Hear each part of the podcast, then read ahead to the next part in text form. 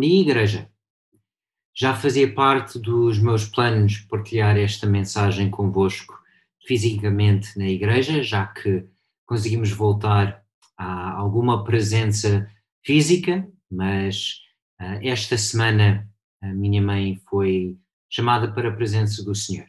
Então, na, no dia em que vocês estão a ver esta mensagem, se Deus quiser, estarei nos Estados Unidos com a minha família.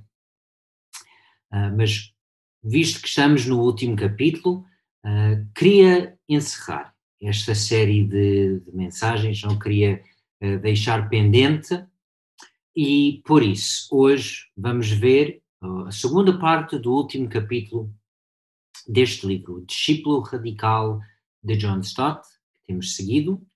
A segunda, ou o último capítulo, aliás, chama-se Morte.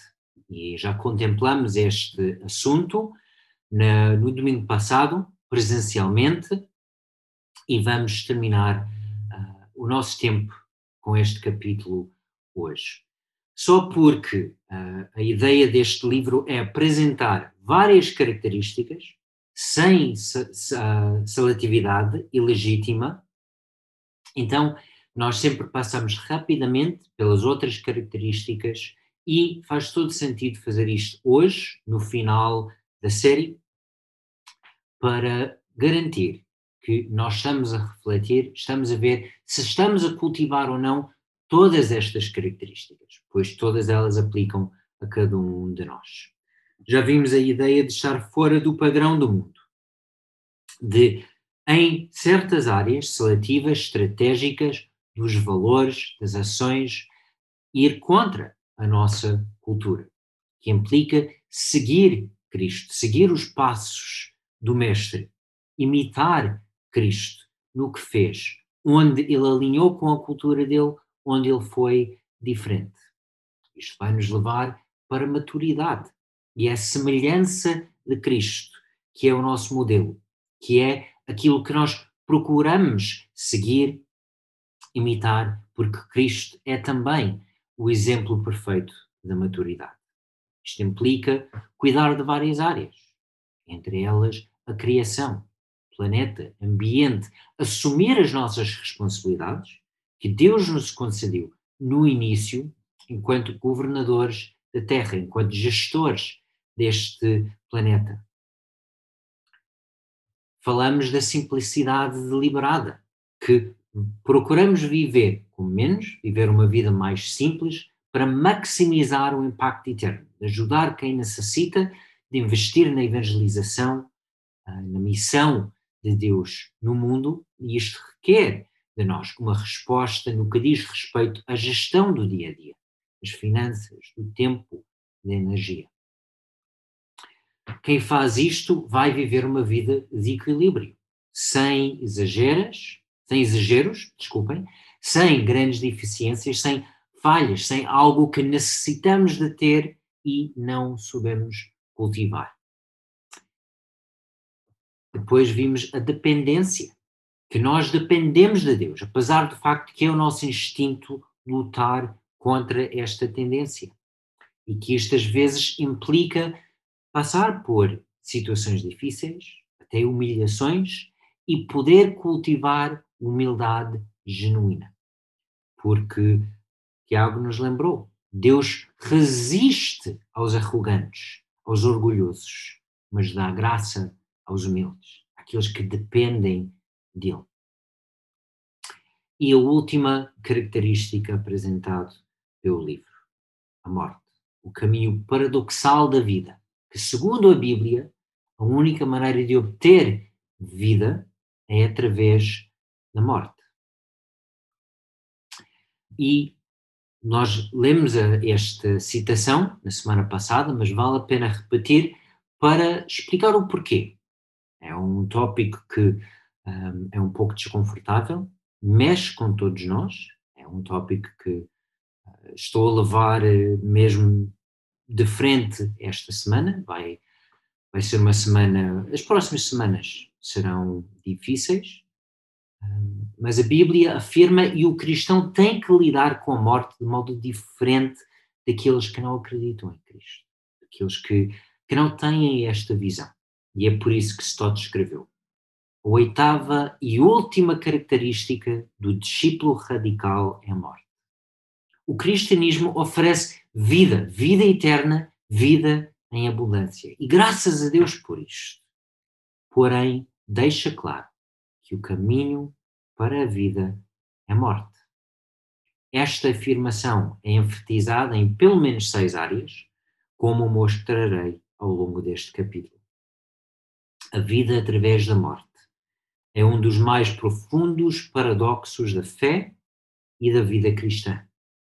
Esta perspectiva é tão diferente dos pressupostos da mente secular, tão atual e tão revolucionário nas suas implicações, que precisamos de ver aplicada em seis situações diferentes, nas quais opera de acordo com o Novo Testamento.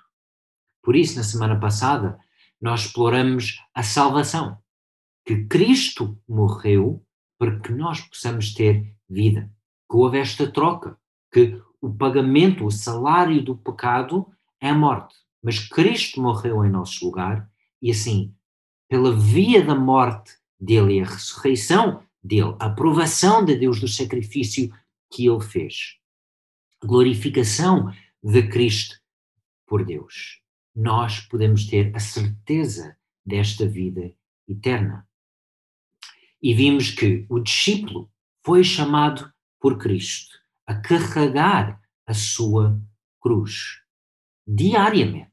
Isto implica mortificar o velho eu, morrer aos velhos hábitos, aos comportamentos, aquilo que já não faz parte da vida e do caminho do discípulo e cultivar o novo eu, o eu segundo o Espírito. E vimos em Gálatas esta comparação entre as obras da carne que levam para a morte e o fruto do Espírito que leva para a vida.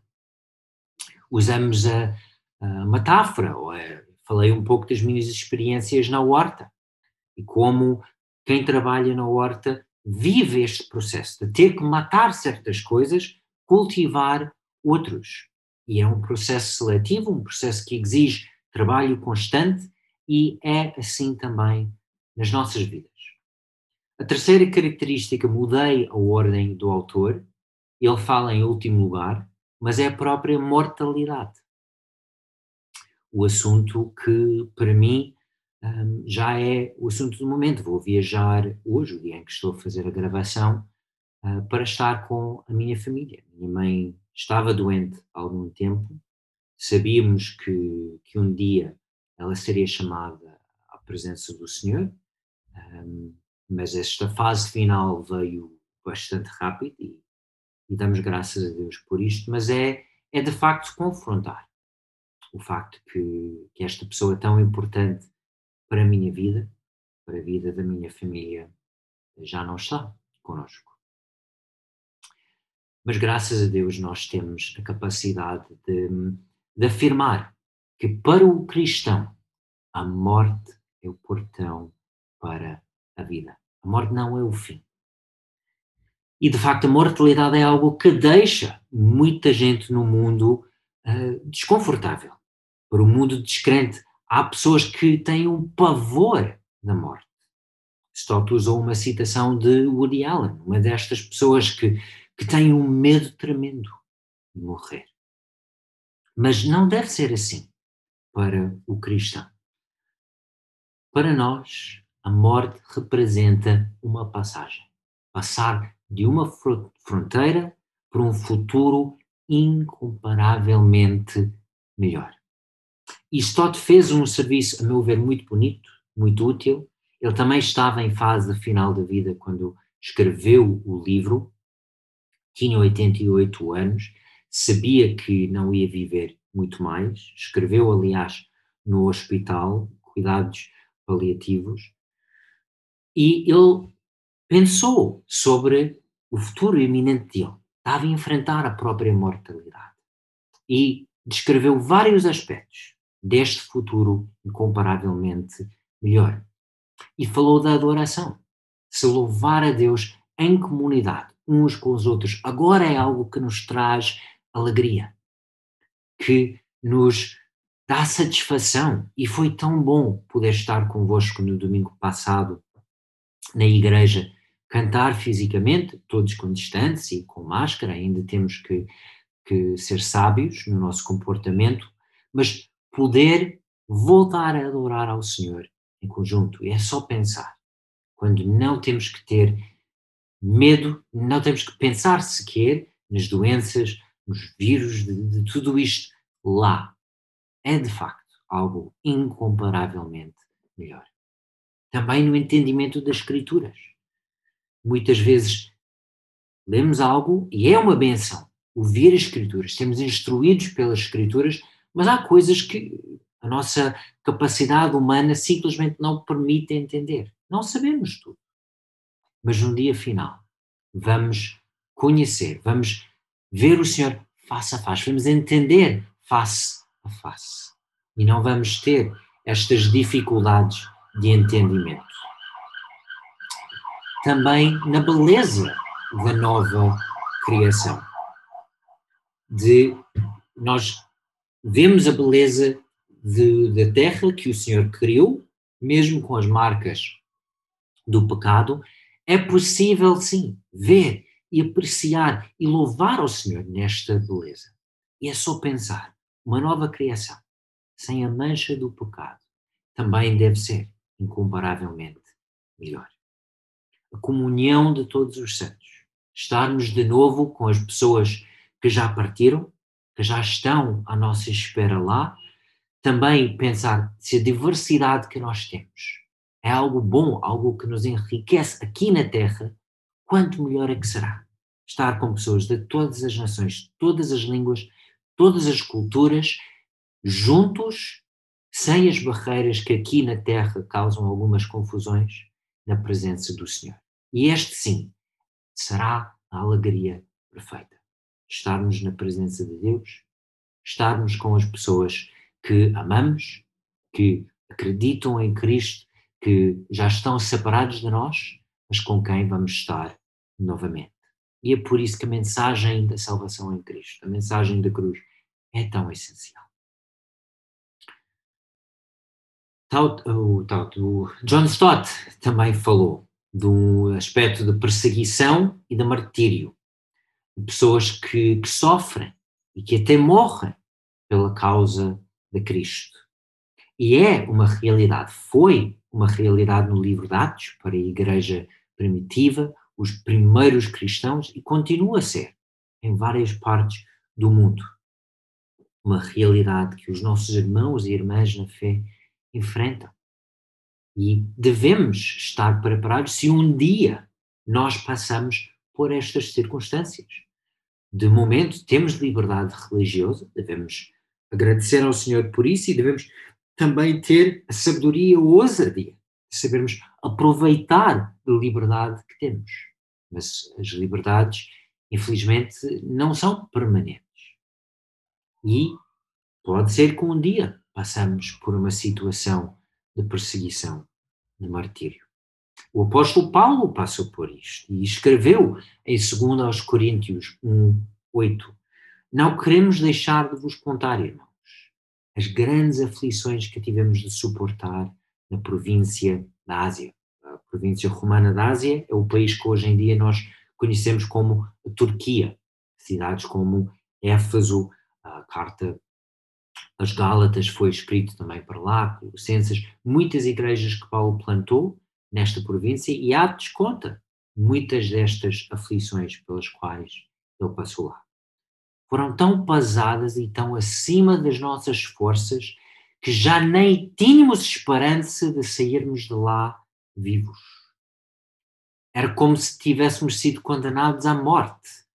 Isto aconteceu para aprendermos a não confiar em nós próprios, mas sim em Deus, que dá vida aos que morrem. E creio que é esta frase que é o mais chave deste tópico que muitas vezes nós, seres humanos, temos mesmo que passar por situações difíceis para aprendermos a não confiar em nós próprios. Para Paulo, foi perseguição, foi a possibilidade de enfrentar o martírio. Para outros é a questão das humilhações que já falamos, na, no, no tópico de dependência de Deus. E, por isso, nós devemos abraçar as dificuldades, tirar as devidas lições das situações difíceis pelas quais nós passamos, encarar como uma espécie da morte que pode nos trazer vida. Foi isto que Paulo fez, foi isto que a Igreja continua a fazer em várias zonas do mundo e devemos orar constantemente para estes nossos irmãos, para coragem, para o consolo do Espírito, para Deus fazer nas vidas deles aquilo que mais ninguém consegue fazer. E Paulo fecha esta menção do sofrimento dele. Versículo 10. Foi ele, Deus, quem nos salvou e continuará, continuará a salvar desses perigos de morte. Temos esperança de que ele continuará a fazer o mesmo. De facto, Deus salvou a vida de Paulo várias vezes. Mas também sabemos que um dia ele foi, fez parte da vontade de Deus não salvar a vida. Paulo entregou a sua vida pela causa de Cristo. Então, nós devemos orar para quem está nesta situação e estarmos nós preparados. Se um dia for também a vontade de Deus, se fizer parte do plano dele, nós passarmos por uma situação destas. E a última característica da morte, que está no livro, e creio que vale toda a pena terminar com esta ênfase, é a missão. E morte aqui é sacrifício. É abdicar daquilo que facilmente poderíamos ter, morrer a nós mesmos, a nossa vontade, para ver o reino avançar. E temos que admitir, na missão de Deus, o sacrifício é parte integral desta missão. Aliás, já tem uma citação no livro que indica isto. Mais cedo ou mais tarde, a missão leva à paixão, ao sofrimento, à morte, morrer a nós mesmos, pelo menos, ou para Cristo, para João, para vários apóstolos, a morte física também. Nos padrões bíblicos, o servo deve sofrer e isso torna a missão efetiva. Qualquer forma de missão leva a alguma forma de cruz. É por isso que Cristo disse aos discípulos: quem quer me seguir deve carregar a sua própria cruz. O próprio formato de cruz, de missão, é cruciforme. Só podemos compreender a missão à luz da cruz. E foi isto que Cristo indicou aos discípulos em João 12. Ele respondeu-lhes: Chegou a hora. E o termo ou a palavra a hora é muito chave no Evangelho de João. Cristo disse: Chegou a hora. É esta hora, não minha, mas de Deus, em que o Filho do Homem vai ser glorificado. Vai ser glorificado como? Através do sofrimento, através da morte. Ouçam com atenção, é como a Bíblia para Todos traduziu uma frase muito típica de Jesus no Evangelho de João. Amém, amém. Na verdade, na verdade, repetir duas vezes o hábito judaico para chamar a atenção, para dizer, vocês podem confiar em uma coisa. É mesmo verdadeiro que se um trigo, se um grão de trigo lançado à terra não morrer, não dá fruto. Mas se morrer, dá muito fruto. E é isto também que quem cultiva uma horta faz. Normalmente, nas plantas, o que nos interessa é o fruto ou é semente. É o grão de trigo que nós consumimos para fazer pão. É, são sementes, por exemplo, feijão. Semente. Então, quem vai plantar está a abdicar de algo que interessa e aquilo é lançado à terra para os efeitos do agricultor, do consumo imediato, morre mas é um investimento no, no futuro. E foi neste sentido que falei no domingo passado, no Dia das Mães. Que as mães e os pais também ser pai ou mãe é morrer, em parte, a si próprio. Vai ter que abdicar de muita coisa, vai ter que sacrificar muita coisa, investir, mas é um investimento no futuro, na vida destes filhos. O que minha, foi o que a minha mãe fez por mim, o meu pai também, dou graças a Deus pela vida e pelo exemplo deles. Tento investir também na vida dos outros, como todos nós devemos fazer. Então, quem morre a si mesmo, só esta pessoa é que em Cristo é capaz de dar fruto. Quem se ama a si mesmo, perde-se. Mas quem se despreza a si mesmo neste mundo, quem está disposto a abrir mão das suas coisas, de abdicar, de sacrificar, esta pessoa sim ganha a vida eterna. Então vamos pensar neste contraste que Jesus fez. Quem se ama a si mesmo? Será que os cristãos são capazes de fazer isto? E vimos a citação de Martin Lloyd Jones no domingo passado.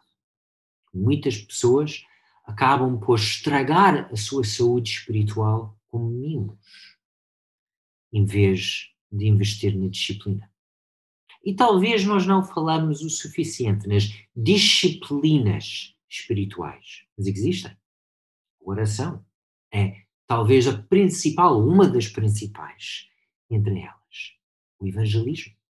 Tempo em silêncio, saber ouvir a voz de Deus.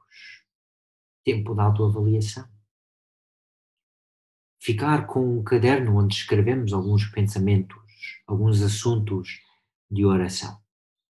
Todas estas são disciplinas espirituais e é necessário haver este elemento de disciplina. Quem só mima a si mesmo não vai crescer muito espiritualmente. A minha reputação, se eu valorizo acima do papel profético. E eu sei que a palavra profecia ou de profeta é abusado um pouco, mas é de facto algo que faz parte da comissão do cristão. Nós temos que ter a coragem, às vezes, de pôr o dedo na ferida, de falar com as pessoas, de avisar que o percurso na qual eles estão vai levar a sítios, a destinos que não interessam. E as pessoas não gostam de ouvir isto.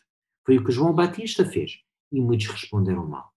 Foi o que Jesus fez e nem todos responderam bem. Mas é um ato de amor deve ser feito com humildade, deve ser feito com misericórdia, mas é necessário fazer para o mundo não poder acusar. Ah, mas vocês não avisaram. E quem faz isto vai ter que sacrificar um pouco da sua reputação. Vai perder algumas amizades pouco profundas. Mas mais vale ser fiel, mais vale, em amor, tentar ajudar as pessoas a ver que o caminho que a eles parece fácil, bonito, que traz prazer, que o fim deste caminho é a morte. E é este o papel que nós devemos ter, segundo a missão de Deus, porque é isto que é amar as pessoas à nossa volta. O mais fácil é a apatia, é comodismo. É dizer, ah, são os outros que vão fazer isto é, isto é muita coisa, isto é muito compromisso, isto é exigir muito. Eu só quero ir à igreja no domingo, sentar na cadeira, ouvir, cantar, pôr um, um pouco de dinheiro quando passa a caixa. E, de facto, é possível acomodar. Mas não foi para isto que Cristo deu a sua vida. Cristo foi usado, foi corajoso e nós também temos que ser. Temos que partilhar a mensagem do Evangelho.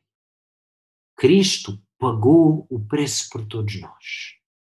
Cristo é o portão para a vida eterna. Podemos ainda assim passar pela morte, mas o poder da morte já não existe. Cristo anulou. Para quem acredita nele. E é esta mensagem que temos que ter a coragem, a ousadia partilhar abertamente com os outros, com coragem. e não com comodismo. Então, quem faz isto, esta pessoa sim é quem se despreza a si mesmo neste mundo. Isto implica rejeitar os padrões mundanos, ser inconformados com vários aspectos da nossa sociedade, com injustiça, com esta ideia de ninguém deve falar das suas crenças, cada um escolhe o que acredita e ninguém deve tocar no assunto. Isto não é compatível com a missão que nós temos. Temos que respeitar as pessoas. Não, não estou a dizer que devemos desrespeitar ninguém. A dignidade humana é um valor bíblico, mas nós não podemos alinhar em tudo que o mundo faz, e isto é um sinal de quem se despreza a si mesmo neste mundo, a favor do mundo que nós sabemos um dia vai vir cá à Terra com a segunda vinda do Senhor, vai alterar tudo aqui e vamos viver no novo mundo. Isto implica rejeitar o orgulho para cultivar a humildade genuína. O orgulho não tem lugar na vida do discípulo é fácil cultivar e muitas vezes é a nossa maneira de lidar com as nossas próprias inseguranças. Mas temos que rejeitar o orgulho. Temos que cultivar esta humildade. E humildade genuína, não humildade falsa. Não humildade só quando os outros estão a ver e depois nos bastidores e nos sítios escondidos ter uma postura orgulhosa e egoísta. Não. É viver esta postura de servo em todos os momentos da vida. Isto implica arriscar, implica sacrificar, implica investir em prol da missão. Pois a missão é mais importante que a nossa reputação. Se as pessoas vão responder bem nas redes sociais, se as pessoas vão responder bem temos que saber cultivar e ganhar a simpatia das pessoas. Sem ter simpatia é muito difícil nós falarmos, mas com esta simpatia, com graça, pois a mensagem de Cristo é a mensagem da graça, mas também com coragem, com um pouco de risco e sacrifício da nossa parte. Temos que investir em prol da missão. Então voltamos à ideia da semana passada a autoavaliação do discípulo radical. Lembramos, discípulo radical, radical no sentido de raiz, não no sentido de radicalismo, de ideias malucas. É este que o termo significa, é essa base da palavra em latim. Radical, raiz. Porque onde estão as nossas raízes? São estes os frutos que nós vamos produzir foi o que Cristo indicou no Sermão do Monte. É verdade na horta, quem encontra a raiz de salsa ou de cenoura, mesmo cortando as folhas, o que vai voltar a nascer não são as folhas de outra planta qualquer. Os frutos que vão nascer são daquela planta. Então devemos perguntar: as minhas raízes, o que é que eu estou a cultivar? O que é que eu estou a notar na minha vida interior? Os pensamentos, os sonhos, as fantasias, aquilo que surge dentro de mim emocionalmente, naqueles momentos antes de adormecer. A primeira coisa que passa pela cabeça quando eu acordo. Todos estes são sinais claros das nossas raízes, do nosso mundo interior. E até que ponto é que é a carne que está a ganhar aí e até que ponto é o espírito? Então, devemos examinar o que é que domina na minha vida? São padrões do mundo? São os mimos espirituais? É autocomplacência de fazer desculpas cada vez que eu não fico bem na fotografia? Ah, não, não, isto, isto é exigir muito. Não, não, não. São os outros que vão fazer. Eu não devo fazer muita coisa. Desculpar a nossa própria apatia? Ou será o padrão de Cristo. Pois só há um. No mundo há muitos padrões. Mas de Cristo só um. Lutar. Mortificar a nossa vontade. O nosso desejo de ter reputação e, e de ter todos a falar bem de nós e sacrificar para ter impacto, para servir ao Senhor. Foi isto que está no livro de Josué. Moisés morreu, passou a liderança para Josué, e antes deste momento de entrar na terra, começar a conquista, Josué chamou o povo. Disse: Cada um tem que escolher a quem vai servir. Mas eu, a minha casa, nós serviremos ao Senhor.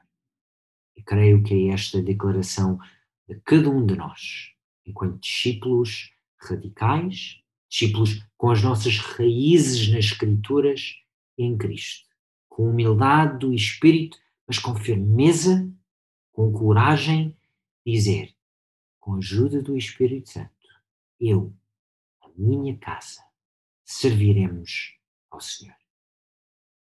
Agradeço as orações da Igreja ao longo desta semana, para mim, para a minha família. A minha mãe serviu ao Senhor. Vou para lá uh, com a minha família para nós podermos celebrar este facto. E espero que cada um de vocês, nestes oito assuntos, inclusive a morte, podem declarar e um dia celebrar eu e minha casa serviremos ao Senhor.